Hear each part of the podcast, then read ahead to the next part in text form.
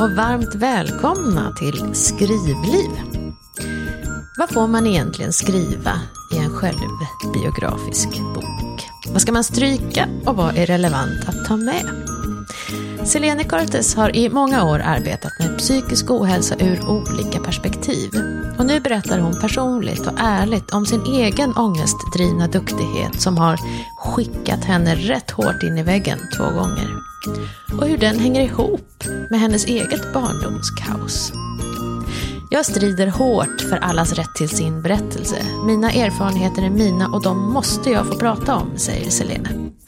I dagarna debuterar hon som författare med boken Man dör inte av stress, man slutar bara leva.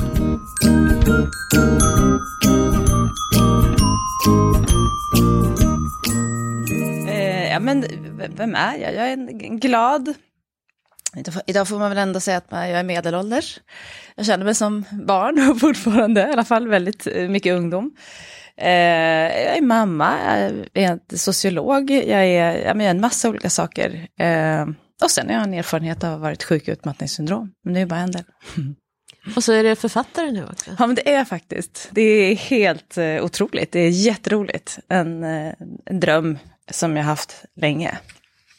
Som, uh, ja, som blir sann om en vecka. Jag får så här rysningar, kolla. ja, men jag blir så, det är sån lycka ja, men se. Du om någon vet ju verkligen, det är ju ett till barn mm. som man har kämpat ur sig. Mm. hur, länge, hur lång tid har det tagit att skriva den? Eller ja, sen du satte dig ner och nu ska jag skriva. Ja, men precis. Det är ju verkligen det, sen man satte sig ner. Det har varit en ganska lång process. Jag älskar Bodil Jönssons ställd tid. Mm.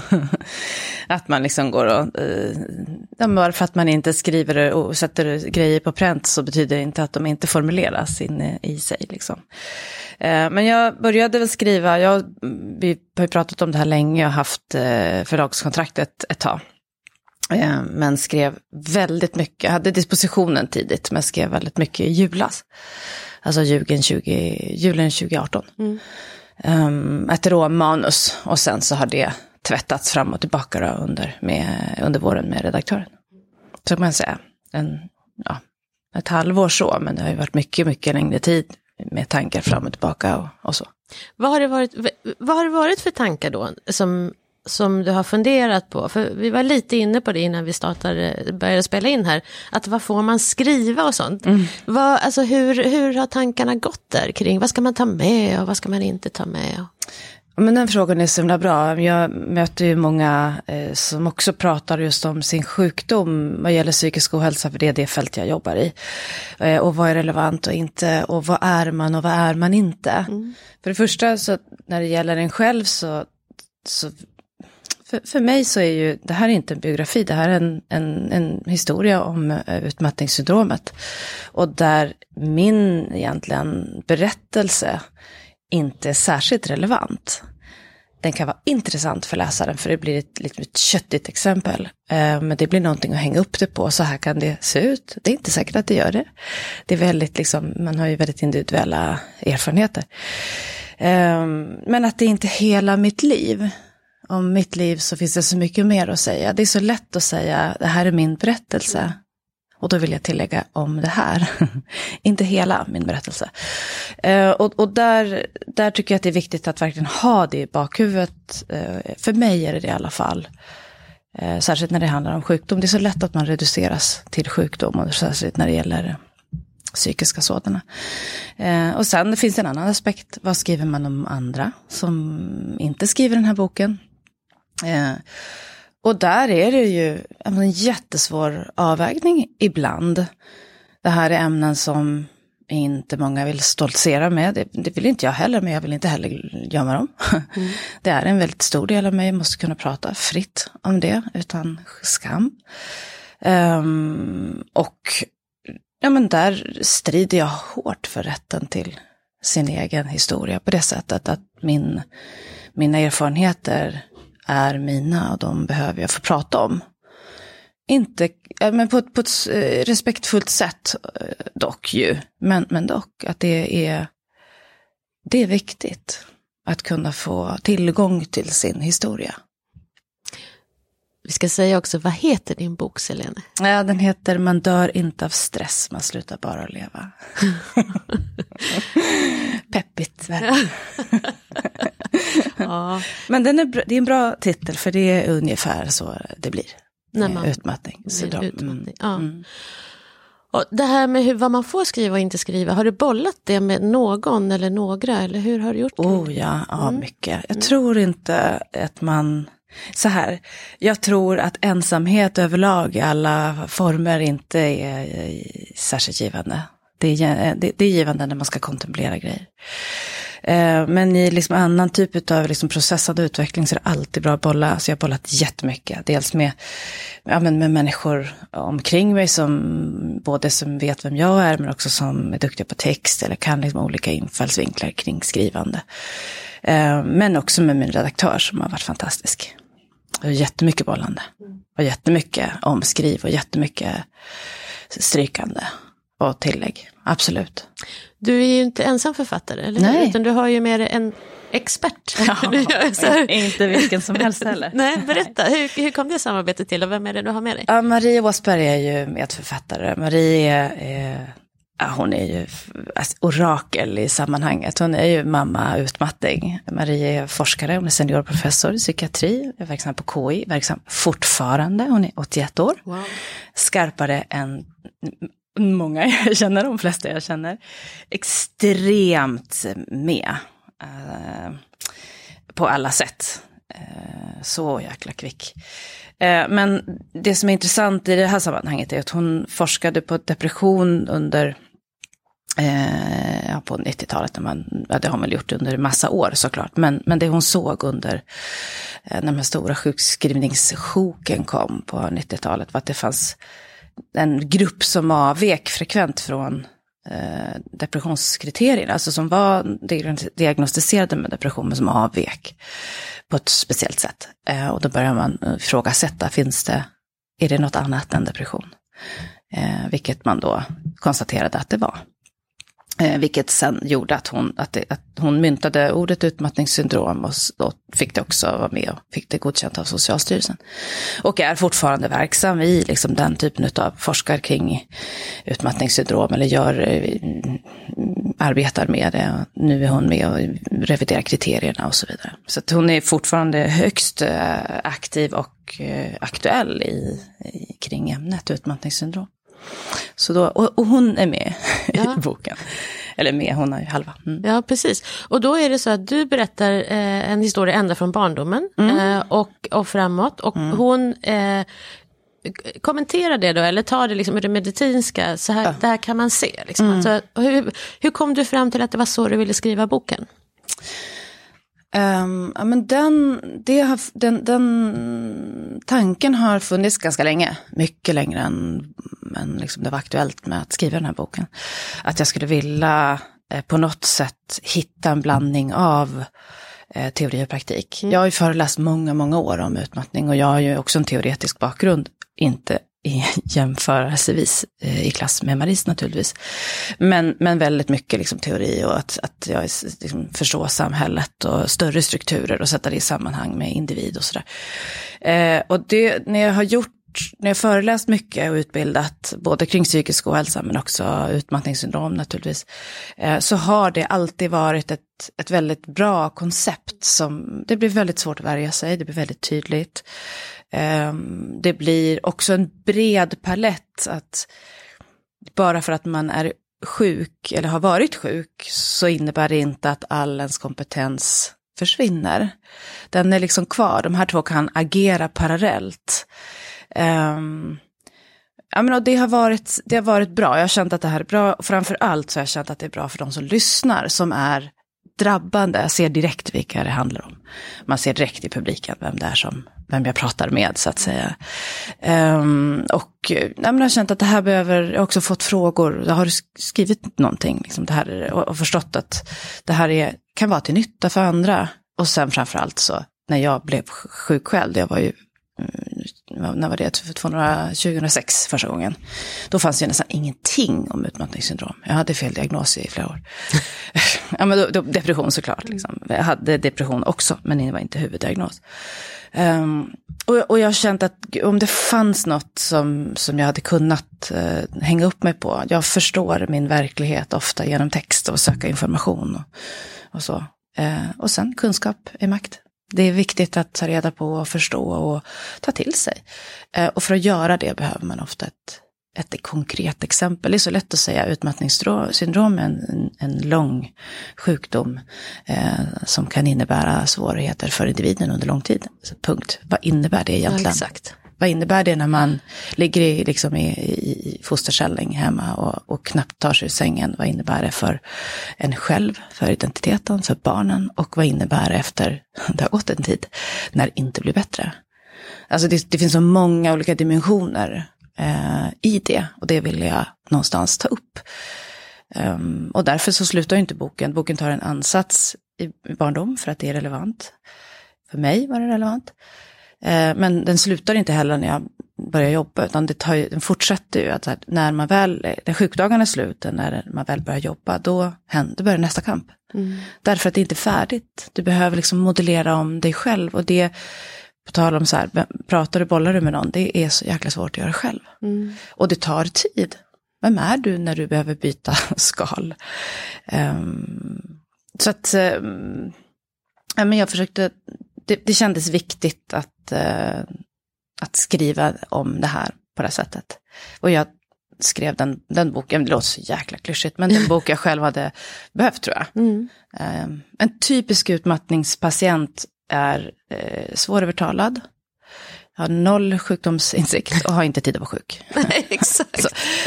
Eh, och jag var en typisk utmattningspatient. Och då behöver man liksom, då behöver man vara väldigt konkret. Då går det inte med lurviga eh, indikationer om att det här kan ta lång tid och det är en svår sjukdom. Utan då måste man vara, då måste man prata klartext. Mm. Eh, en sak som jag fick lära mig ehm, liksom under min resa. Eh, jag har ju då gått in i väggen tre gånger ja. Eh, och sen fick jag diagnos som var ADHD. Ja. Jag var 53, ja, ja. som nu. Ja. Ehm, eh, men innan dess, innan jag visste att jag hade ADHD, då, ehm, då var det en tjej som sa, en forskare i Lund, som sa just det här sambandet mellan att man har varit medberoende och eh, går in i väggen. Och det visste inte jag om då. Jag tyckte det var så intressant för det var ingen som hade berättat det för mig. Nej. Det där, jaha, hur, jaha, hur hänger det ihop? Och det tar du upp här mm. i boken. Det är liksom en, nästan en grundläggande del av um, att det kan vara så. Mm. Och det var så för dig. Ja, det var det verkligen. Hur, hur um, om vi går tillbaka där till lilla Sinéne. Mm. till det lilla barnet. Ja, lilla barnet. Och så säger du att du växte upp i kaos. Ja. Kan du beskriva hur det var när du växte upp där i det kaoset? Ja men det var, eh, det var rörigt. Liksom, jag hade en mamma som var väldigt kärleksfull på ett sätt mot mig. Och, eh, jag menar, och, och gjorde sitt bästa, verkligen, det är jag helt övertygad om. Eh, men det var väldigt eh, mycket våld kring oss. Och hon hade en tendens att välja män som var våldsamma. Eh, inte alla, men många. eh, och, och, i det så, jag menar, det skapar ju enorm osäkerhet och otrygghet för ett barn att inte, att inte veta om ens mamma lever dagen efter. Eh, då behöver det inte finnas något missbruk, för det fanns det inte ju. Hos mig, jag vet att din mamma hade ett mm, missbruk, ja, men, mm. men det fanns det ju inte. Och det gjorde det så jäkla svårt att förstå. Dels så pratar man ju inte, du vet det här Jante och Sverige och ingen ska bry sig och det här håller vi inom familjen och locket på. Ehm, men, men eftersom det inte fanns någonting som pratades om så hade jag heller ingen indikation på att något var tokigt eller att något kunde vara annorlunda. Och då blir det lite grann, du vet som kejsarens nya kläder, om ingen pratar om det, ja men då, nej.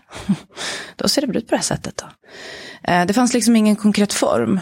Um, som jag tror att om jag hade haft en mamma som hade druckit alkohol så hade jag förmodligen vetat att det, eller fått reda på i skolan eller på något sätt att det här kan vara jobbigt för barn. Nu fanns det ingenting att liksom pr- prata om ens. Eh, för mig var det så då. Eh, vilket skapar naturligtvis konsekvenser. Ja, um,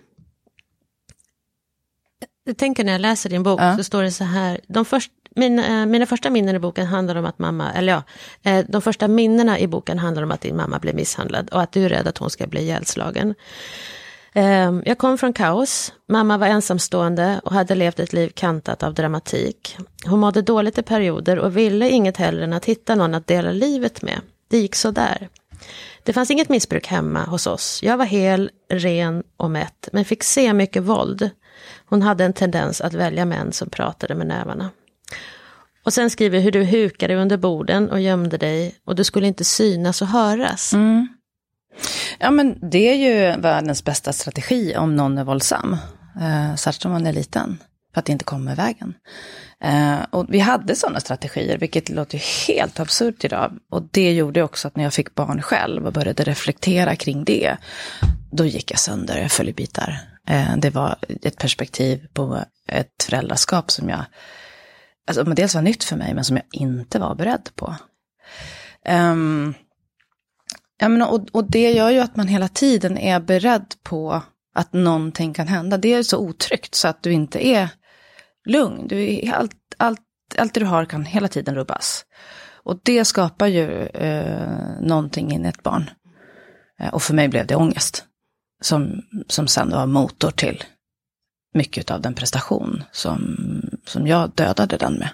Just det, du kontrollerade ångesten med att prestera. Ja, Mm. det är väldigt effektivt. Ja, och du var väldigt duktig i skolan. Ja, jätte. Jätte. Ja, och du trivdes ju i det också, alltså på något sätt, för det blev en trygg plats då. Eller? Ja, så trygg och trygg. Ja, alltså det blev tryggt så tillvida att där kunde jag, alltså det, fanns, det var kontrollerbart. Mm. Ehm, och då blir det ju tryggt på, på ett sätt. Ehm, och, eh, ja, men, och, och trivdes, jag vet inte om jag tog mig tid att, att njuta av det på det sättet. Däremot så, en duktig elev eller ett, en duktig person, det är ju liksom samhällets våta dröm på alla sätt. Och jag menar, sen kommer upp i liksom arbets, blir arbetstagare och så vidare. Det är ju inte, alltså det är inte jobbigt med en person som, som är duktig liksom, på det hon gör. Det går att dra sig ganska hårt i väggen medan ett samhälle står bredvid och klappar händerna. Ehm, och det gjorde jag. Eh, så att, ja, eh, trivdes. Ja, men det gör man ju också. För man, man, man kan ju knarka vad som helst. Och adrenalin och endorfiner funkar utmärkt det med. Så det gjorde jag också.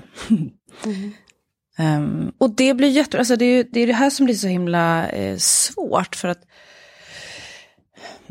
nej, jag träffar många som, ja, men om jag föreläser och säger så här, men jag älskar det här, så jag, jag, jag har jättemycket att göra och jag drivs av det här och, och det är liksom, jag, jag ska inte vilja ha det på något annat sätt och jag älskar när det är mycket samtidigt och då är det då jag kan prestera och så vidare och så vidare och så vidare och så vidare. Och vem, vem, liksom, vem, är- vem är det fel då? Och, så där. och det är klart att det inte är, om det bara är den liksom källan till bränsle. Men så länge den här duktigheten är ångestdriven så blir det ett problem som är precis lika farligt som vilket annat utanförskapsbeteende som helst. Att jämföra med kriminalitet, missbruk, självskada, ätstörning. Alltså ett sätt att döva någonting annat. Eh, och det vet man ju inte kanske i början. Nej, jag tänker på det, man vet nog inte om att det är ångest. Alltså, Nej. För, för vi har en sån konstig bild av vad ångest Ja. ska vara. Så, så det här liksom, jag kan ju kalla det för längtanshålet i magen. Alltså det suger liksom i någonting. Visst. Ja, eller hur? Rastlösheten, Ja. rotlösheten, Ja. den där. Någonting på väg mot något. Ja, men lite så här, det liksom, åh, skakar i benen lite så här, jag måste, så här. Ja, men och mer och mer och mer. Och egentligen så kanske man är på väg från någonting. Och inte riktigt vet vad. Eh, och det kan ju vara massa olika liksom, saker som gör att man har den här eh, rastlösheten. Men det som är gemensamt för den oavsett orsak är att den tröttar ut. Ehm, Ja, för du sa också att det fanns, för dig då, så fanns det ingenstans att vara ledsen på. nej. Eh, det fanns det inte. På det sättet. Jag har nog säkert liksom gråtit när jag har slagit något knä eller något. Men ingenstans, och varken ingenstans, liksom, varken geografiskt eller känslomässigt. Därför att dels att växa upp med en sån förälder, det kan du säkert själv relatera mm. till. Mm. Det finns liksom inte plats för att fundera kring eller få utlopp för ens egen process eller utveckling som man behöver i barndom med allt vad det innebär, utan man behöver ta ansvar för en massa saker väldigt tidigt. Eh, och nu menar jag inte hushållssysslor, utan mer ansvar för känslor, ansvar mm, för att precis. inte störa eller att inte gå över gränsen, att inte... Sen kan man göra det ändå på olika sätt, för den här liksom frigörelseprocessen kommer i alla fall. För mig blev det ju liksom, det blev ett världskrig hemma istället mm. till slut. Um, nej men så att, eh, ingen plats att formulera känslor. Och ingen plats att, att få liksom hjälp att sortera och sätta ord på. Vilket gjorde att det här ångest, liksom, längtanshålet fylldes med ganska mycket gyttja. Mm. Eh, och, och då blir det jättejobbigt att vara i det. Och då behöver man prestera mer. Eh, för då behöver man döva ännu mer av ångest. Jag tror det är ganska, jag var samma sak, att jag fattade ju mycket bättre när jag fick barn. Det var också wow, oj, är det så här känsliga barn är? Alltså det var så här, och sen den här enorma kärleken. Och sen tror jag lättnaden för att man kunde känna kärlek. Mm. Att man inte blev sin mamma på det sättet kanske var det för mig då. då. Mm. Man inte, att man inte blev som, att man hade en förmåga att älska. Mm. Um, och ville ta hand om och så. Mm. Och samtidigt så, så visste jag inte hur man gjorde. Liksom, de här vanliga vardagsgrejerna. Mm. Uh, Vad gör jag om den är ledsen? ja, lite ja. så. Det, man får ju bara, det är som att något larm tjuter, något flyglarm och mm. jag står där helt ensam och ska fixa det här då. Så är det ju. Uh, och jag har hört det många gånger att många säger att just när de får barn så händer det någonting grundläggande i oss. Att det, det är som att oj, vi får ett helt ny take på livet. Uh, och det skriver du också väldigt öppet om i boken, hur du känner det, liksom skam och skuld och misslyckas. Alltså, alltså om du ska berätta med dina egna ord där, vad, alltså hur, hur tänker du på det idag? Hur var det för dig att vara i det då? För det blev ju ett nytt kaos på något sätt, eller? När jag blev sjuk, och tänker du, och jag hade lite små barn? Ja, precis. Mm. Ja, men så, såklart att det var en extremt stor del. Alltså är det någonting som Alltså det är så grundläggande så till och med när man är så sjuk så förstår man att det här är något knas. Och, och, och lite om man går tillbaka till boktiteln, mm. um, men möjligtvis så dör man inte av stress, alltid. Uh, men att sluta definitivt att leva, man blir ju... Um, alltså jag tänker så här, om man ska definiera livet så tror jag att det är förmågan att kunna älska andra människor. Och, och det, det, har jag ändå lärt mig av min mamma. Jag har känt mig älskad av henne. Eh, och också känt att jag kunde älska. Ehm, men, men, och det var inte min stora upplevelse med barnet, men den här typen av kärlek och den här känsligheten som du beskriver. Precis så, okej, okay, wow. Um, jaha, och hur ställer det här, liksom, hur ställer den här erfarenheten sig till mina minnen? Den går inte utan att det blir smärtsamt. Um, men, men i att, att liksom bli så sjuk innebar ju också att man blir kognitivt bedövad. Man tappar ju kognitiva liksom, funktioner på, på ett stort sätt. Eller på, på många sätt. Eh, och en utav, liksom, en utav, en stor del också är att inte känna saker, att inte uppleva att någonting känns. Uh, jag kunde titta på min man och inte känna jag älskar inte dig längre, utan känna ingenting, vilket är skrämmande. Du vet, att bli älskad är stort, men att älska är större. Det stämmer ju, därför att känner du ingenting för någonting så blir livet tomt. Det blir inte värt någonting. Och jag kunde se på min son och känna sorg, men det var ungefär allt under en tid. Det var inte så här under ett års tid, men det var så här under tillfällen som var, alltså en utmattningsdepression eh, eller en utmattningssyndrom är ju inte konstant, men inte konstant eh, bedövad eller liksom konstant dement, utan det går ju perioder. Vissa dagar har man ju ganska, är man ganska okej. Okay. Kan man till och med kanske skratta och vara med och ha ett samtal med någon och orkar. Och andra dagar så är man krasch. Um, men, men, men att liksom känna att det här är det här är inte så som jag hade tänkt att jag skulle vara mamma. Det här är inte vad mitt barn behöver. är värd, förtjänar, vad jag vill ge. Och allt det i kombination med helt obearbetat liksom, självkänsla och prestation och allt det här var ju kvar. Jag vill också vara den bästa mamman såklart, vilket är den mest sunda drivkraften kanske i alla det här som, allt det här som man ska vara bäst på. ja, men det finns ändå någon form av så här, det, det är åtminstone, det, det är bra. eh, nej men och kände att så här, det här är, det här kan få andra konsekvenser. Jag, jag förstod det väldigt tidigt. Um, och att jag också kände mig väldigt handfallen i det. Att jag sökte ju aktivt väldigt mycket hjälp. Och jag ville ha samtalsstöd tidigt och då fick jag, jag fick gå till kuratorn. Och jag hade velat ha en psykolog mycket tidigare. Jag ville att min man skulle gå med och få stöd. Han fick träffa någon någon gång och det var liksom inget så här kontinuerligt. Idag jobbar man ju med anhörigstöd på ett annat sätt.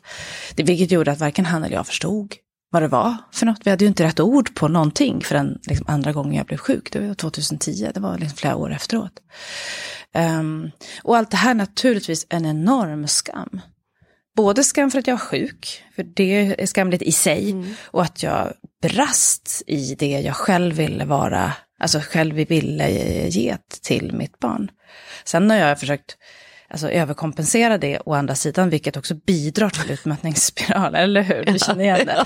Ja, men man, står ju, man jagas ju av det här dåliga samvetet. Och då står man där och så här, trillar egna köttbullar innan utflykten om man är så och allt ska vara från grunden och man är liksom, man över, man gör ju jättekonstiga grejer. Eh, Eh, och försöker att sy ihop där det går att lappa och laga. Vilket gör att, att det finns liksom ingen vila på samma sätt. Jag brukar jämföra med en cancerpatient. Om jag hade haft cancer, det är också alltså, en fruktansvärd sjukdom som, som har an, andra naturligtvis eh, risker.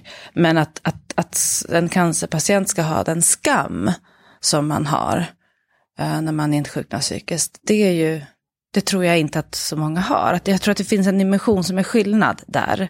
Och att man ska känna att man ska kompensera för just mm. sjukdomen. Sen kan man kompensera, på andra sätt. Överhuvudtaget fysiska sjukdomar ja. är det ju inte den, som du säger, eh, det här är ju en fysisk sjukdom naturligtvis. Ja. Men, eh, men den syns inte. Nej. Nej. Nej men att det blir det här mambo jumbo som man ska förhålla sig till och, och, och försöka eh, ja, men, släta över på något sätt istället för att bara få den här, eh, men, men du, sätt dig, vi tar det här, nu ska du. Eh, och det behöver man på så många plan. Och särskilt när det gäller relation till sina barn. Att här, för att du ska orka med det lilla liksom, viktiga att vara mamma så behöver du frigöras från kanske ganska mycket annat under en period. Jag tänker en viktig dimension i det här är ju också att att för barnen ärver ju våran känslighet. Visst. Ja. Och de måste ju få med sig redskapen mm. i det också. Så det är jätteviktigt att de får vara med och se att det går, går att laga. Att det går att fixa och går att laga. Och, så jag tänker att det är den bästa, det är den bästa gåvan vi kan ge våra barn. Mm. Tänker jag idag. Men det är ju lätt, inte lätt att tänka när man är mitt i det och känner sig misslyckad. Nej, och jag tycker att det är så fint att du säger precis det. För jag har också landat där att ja, eh, vi har pratat om skam i flera sammanhang. Jag jobbar ju mycket med skam också i mitt andra arbete. Men kring just eh, psykisk ohälsa och psykiska sjukdomar. Ehm, att, ja, jag, jag skämdes jättemycket för en massa olika saker. I, men jag, idag så skäms jag absolut inte för att jag var sjuk. Jag, det ska, jag ska inte skämmas för det. Lika lite som att man kan skämmas för att man har brutit benet eller får cancer eller diabetes. Den skammen ska inte få vara där. Um, däremot så kan jag ju känna att det är sårigt fortfarande för att jag har missat saker med barnen. Alltså det finns en tid som jag hade velat göra andra saker med. Och investera på ett annat sätt med dem och finnas där och orka andra grejer. Det kan jag känna och det är en sorg, men det är inte skam.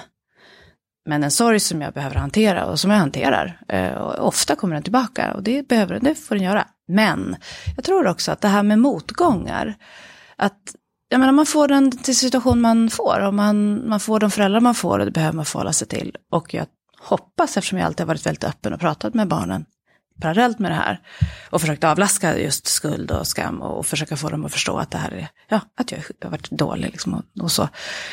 Att de kommer få med sig, dels att, ja men det var en jäkla svacka men det fixade, det fixar man. Mamma gjorde det och det kan man göra. Och vi pratade om det. Och så här kan livet se ut. verkligen vettiga verktyg som de får med sig. Och vikten av återhämtning tänker jag idag i ett samhälle Ja. som snurrar. Precis, och be om hjälp också. Ja, super, visst. superviktigt. Ja, men ingen människa är verkligen, utan verkligen. Blir du dålig, då är det tillsammans som gäller. Vad har varit svårast när du skrev, skrev boken? Till skillnad från när du har varit ute och föreläst, tänker för det har du gjort så mycket. Mm. Ja. Vad, vad, vad, har du, vad har varit svårast att skriva i boken? Ja, men att få ihop en, en historia som håller och som blir lätt att förstå, som inte är för utbroderad. Det här liksom, ja, men det här, i pränt så är det någonting annat. Jag är ju inte skribent i grunden. Alls, och inte, ja, men jag har skrivit liksom korta grejer och publicerat någon artikel sådär, men inte liksom bok. Um, ja, men får, får det att hålla ihop som en, en helhet där man inte kan jag menar, föreläsare kan ju svara på frågor och liksom man kan ta det dit eh, publiken tar det. Man kan hänga med på ett annat sätt. Är det något som är oklart så har man möjlighet att förklara. Eh, det tycker jag har varit svårt. Och avvägningen, vad ska vara med och vad ska inte vara med. Ehm, och nu är boken klar. Ja, Har du lärt dig någonting om dig själv när du skrev boken? jättemycket. Ja, Ja, Vad? Fantastiskt. Ja, men framför allt att eh, brodera ut tankar kring identitet, sorg och skam. Mm. Det finns ju ett kapitel av vardera rubrik som jag tycker är superviktigt. Och att eh, ja, men lägga ett större pussel, jag gör ju det mycket, men att, att faktiskt jobba igenom det på ett annat sätt.